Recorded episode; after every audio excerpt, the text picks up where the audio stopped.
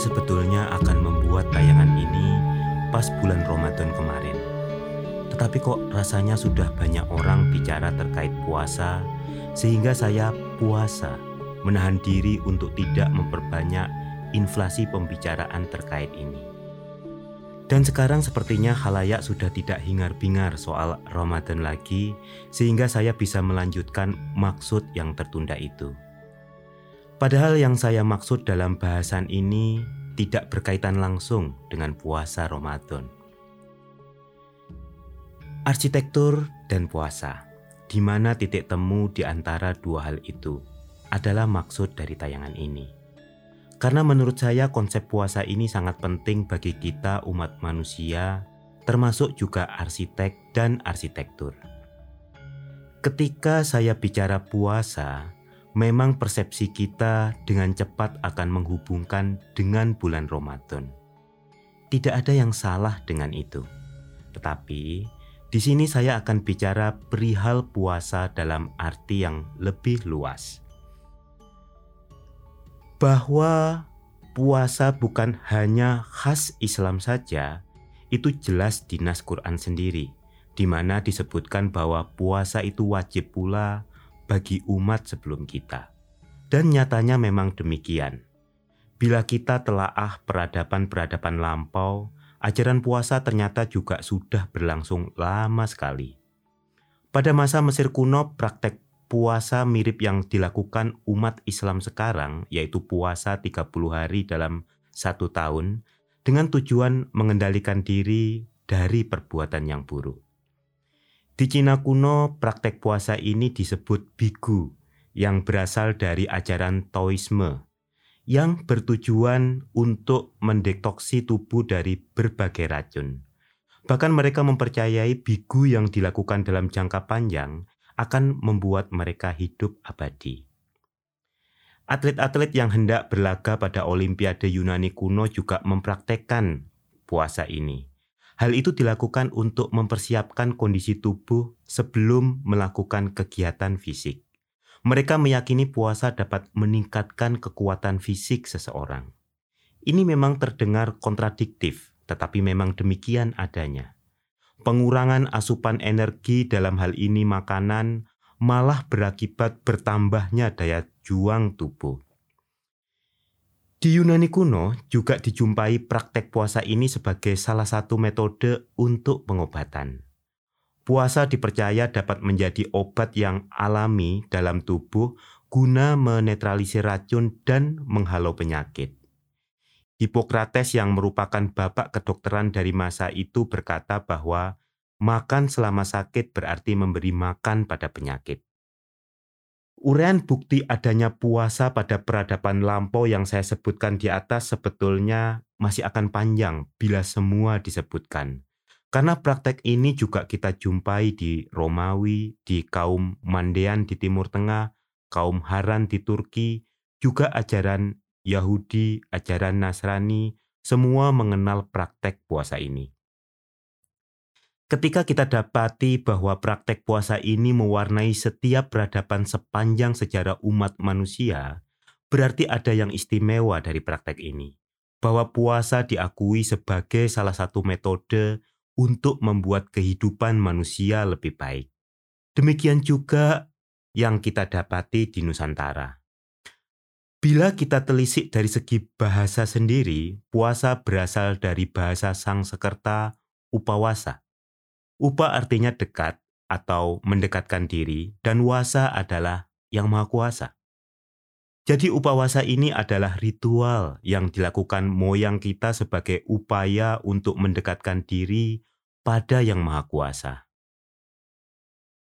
Kata ini kemudian diadopsi bahasa Jawa menjadi poso dan kemudian nantinya menjadi puasa dalam bahasa Indonesia. Kalau di peradaban Jawa, poso memiliki arti mengekang atau menahan sesuatu. Jadi inti dari puasa adalah mengekang diri, menahan diri, tidak melakukan sesuatu yang sebetulnya boleh dilakukan sebagai upaya sesaji uborampe kita sebagai hamba kepada Tuhan. Adik saya yang kecil pernah berkata kepada saya, Mas, hidup itu seperti mobil metik. Tanpa menginjak pedal gas pun, mobil tetap akan berjalan. Saya kira adik saya itu benar. Waktu akan terus mengalir tanpa menunggu kita. Matahari akan terbit dan tenggelam, tidak peduli kita siap atau tidak. Dan sebagai manusia, umur kita terus berjalan tanpa peduli apakah kita memanfaatkan dengan baik atau tidak. Maka kemampuan terpenting dalam hidup sebetulnya bukanlah menginjak gas, karena dia otomatis terus berjalan, melainkan kemampuan mengatur pedal rem. Jadi hidup bukan soal pelampiasan, melainkan soal pengendalian. Sebetulnya demikian juga pada arsitektur. Ketika kita mendesain, sebetulnya bukan kemampuan kita menghasilkan ide-ide brilian saja yang diperlukan, melainkan juga kemampuan membatasi ide-ide itu dengan berbagai pagar yang harus kita perhatikan. Pertama, kita perlu menahan diri bahwa lahan rancangan selalu terbatas. Dia bukan bidang gambar AutoCAD yang tanpa tepi, tetapi dibatasi pagar lahan tetangga. Maka di sini kita puasa, mengekang segala ide berdasarkan luasan lahan yang tersedia. Kemudian, Kemudian kita juga perlu membatasi ide-ide rancangan kita berdasarkan anggaran yang disediakan klien kita. Tidak akan pernah ada klien yang bilang bahwa anggaran untuk rancangan kita tidak terbatas. Seringkali ide-ide spektakuler kita harus berpuasa karena melampaui anggaran biaya yang dimiliki klien. Kembali kita harus pandai-pandai mengekang diri karenanya membuat penyesuaian pada ide spektakuler tadi. Selanjutnya kita juga harus mengendalikan rancangan kita berdasarkan peraturan perkotaan maupun standar-standar yang harus diikuti. Kita ingin merancang gedung 100 lantai, tapi ternyata lahan yang disediakan masuk dalam jalur KKOP, jalur keselamatan operasi penerbangan. Maka kembali kita menahan diri untuk tidak menghasilkan desain yang demikian tinggi. Lagi-lagi puasa. Masih ada sederet hal lagi yang membuat kita harus pandai menahan diri, seperti persinggungan dengan disiplin lain, dengan insinyur sipil, mengalah karena faktor mekanikal elektrikal bangunan, keterbatasan material bangunan, dan sebagainya maka merancang sebetulnya adalah rangkaian negosiasi kita dengan berbagai batasan yang melingkupi area lahan rancangan kita. Tidak ada hal yang benar-benar bebas. Bob Dylan cerita bagaimana temannya yang dipenjara iri pada burung yang bebas terbang di angkasa. Bob Dylan diam saja, tetapi bergumam lirih pada lagu yang dinyanyikannya bahwa burung pun tidak bisa terbang melewati cakrawala. Semua memiliki batasnya. Maka, kemampuan mengendalikan lebih diperlukan daripada kemampuan melampiaskan dalam hal ini. Termasuk bagi seorang arsitek dan arsitekturnya. Pengendalian di samping hal tersebut penting karena alasan-alasan logis yang saya sebutkan di atas juga sebagai arti upawasa dalam bahasa sang sekerta tadi. Karena pengendalian adalah salah satu cara untuk mencapai Tuhan. La'alakum tatakun, kata Al-Quran. Dengan cara ini kita berusaha mendetoksifikasi segala hal-hal kotor yang ada dalam diri kita sehingga kita bisa naik menjadi manusia yang lebih mulia dibanding sebelumnya puasa atau pengekangan diri dapat membuat kita menjadi orang yang lebih sabar. Kita menjadi lebih tawaduk, tidak merasa yang paling hebat. Dan sebagai arsitek, puasa mengajari kita untuk tidak selalu berharap desain kita akan terbangun berdasarkan ego kita. Segala hal-hal baik itu, bila kita jalankan, merupakan upaya untuk membawa hal-hal baik jasmaniah maupun ruhania ke dalam arsitektur kita. Rekan-rekan, ketika kita merancang arsitektur, pada dasarnya kita tidak hanya membuat lantai, dinding, dan atap belaka, melainkan kita menciptakan sebuah ruang.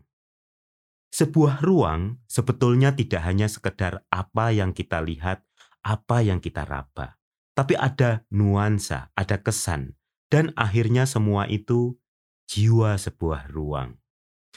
Di titik ini kita sudah beranjak dari hal yang fisik masuk ke area yang bersifat ruhani, spiritual. Anda pasti pernah merasakan ruang yang terasa tidak nyaman, tapi Anda tidak bisa menerangkan kenapa.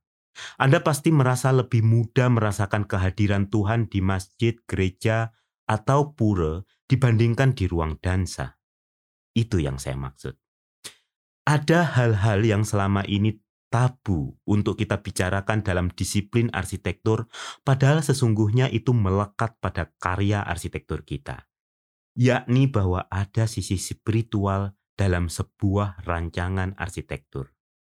Maka, bila yang kita rancang adalah hal-hal yang bersifat jasmani dan rohani, sewajarnya lah bila kita sebagai perancangnya juga menyiapkan diri dari sisi fisik dan juga metafisik. Ini sesederhana seperti apabila kita hendak memulai melakukan sesuatu, disarankan membaca doa. Kalau di Islam, Anda diajarkan untuk membaca bismillah. Agar apa yang dihasilkan dari kegiatan itu menjadi berkah, mendapat ridho dari Tuhan. Maka puasa dalam konteks ini merupakan salah satu sarana untuk menyiapkan sisi rohani kita tersebut Misalnya ketika hendak merancang sebuah rumah, Anda puasa dulu tiga hari. Kalau para atlet Olimpik Yunani kuno melakukan agar memenangi pertandingan, maka kita menjalankannya sebagai doa agar karya kita ini diridhoi Tuhan, baik bagi penghuninya nanti dan baik juga bagi kita sebagai arsiteknya yang dengan segala aktivitas itu kita berharap menjadikan kita lebih dekat dengan Tuhan. Bukankah demikian hakikat tujuan kita di dunia? Dan hal yang demikian pastilah bukan ide saya. Ini bukan hal baru. Ini sudah dilakukan oleh orang-orang terdahulu dari seluruh peradaban di dunia. Selalu ada prosesi ketika hendak melakukan sesuatu, juga prosesi ketika hendak membangun rumah, hendak menempati rumah, atau hendak membongkar rumah. Semua semata-mata sebagai upaya kita berdoa pada Tuhan, sekaligus mengundang spirit yang baik untuk karya arsitektur kita. Bahkan prosesi tersebut bukan hanya untuk objek arsitekturnya, tetapi juga untuk arsiteknya. Sebagai contoh, kita mengenal profesi arsitek dalam tradisi kita yang disebut undagi. Undagi memang bekerja untuk menghasilkan bangunan, patung, atau karya seni yang sering kita jumpai dalam kebudayaan Bali.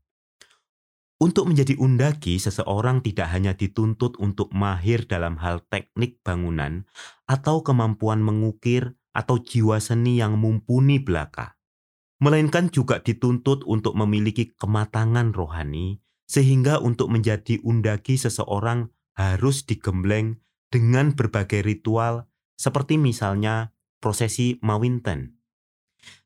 Dan ini lagi, setelah prosesi pun mereka harus menjalani puasa untuk menyempurnakan ritualnya tersebut.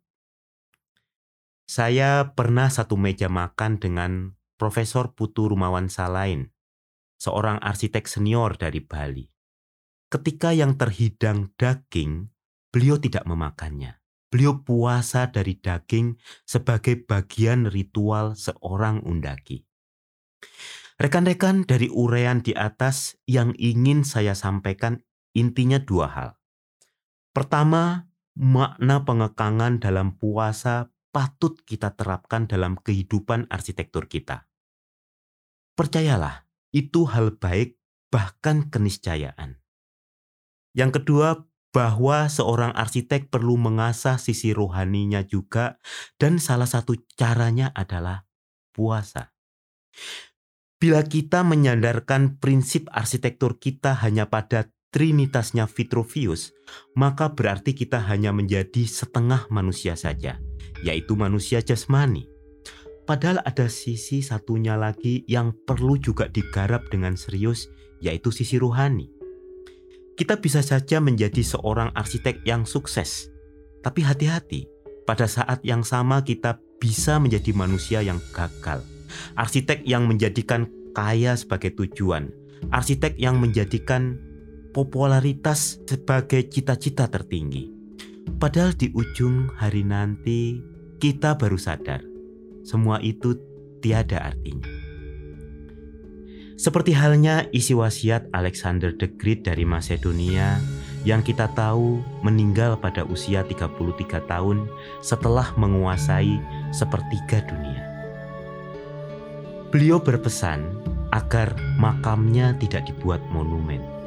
Cukup munculkan saja tangannya ke permukaan tanah untuk mengabarkan bahwa walaupun sudah menaklukkan dunia, beliau mati tidak membawa apa pun ke alam kubur. Tangan kosong.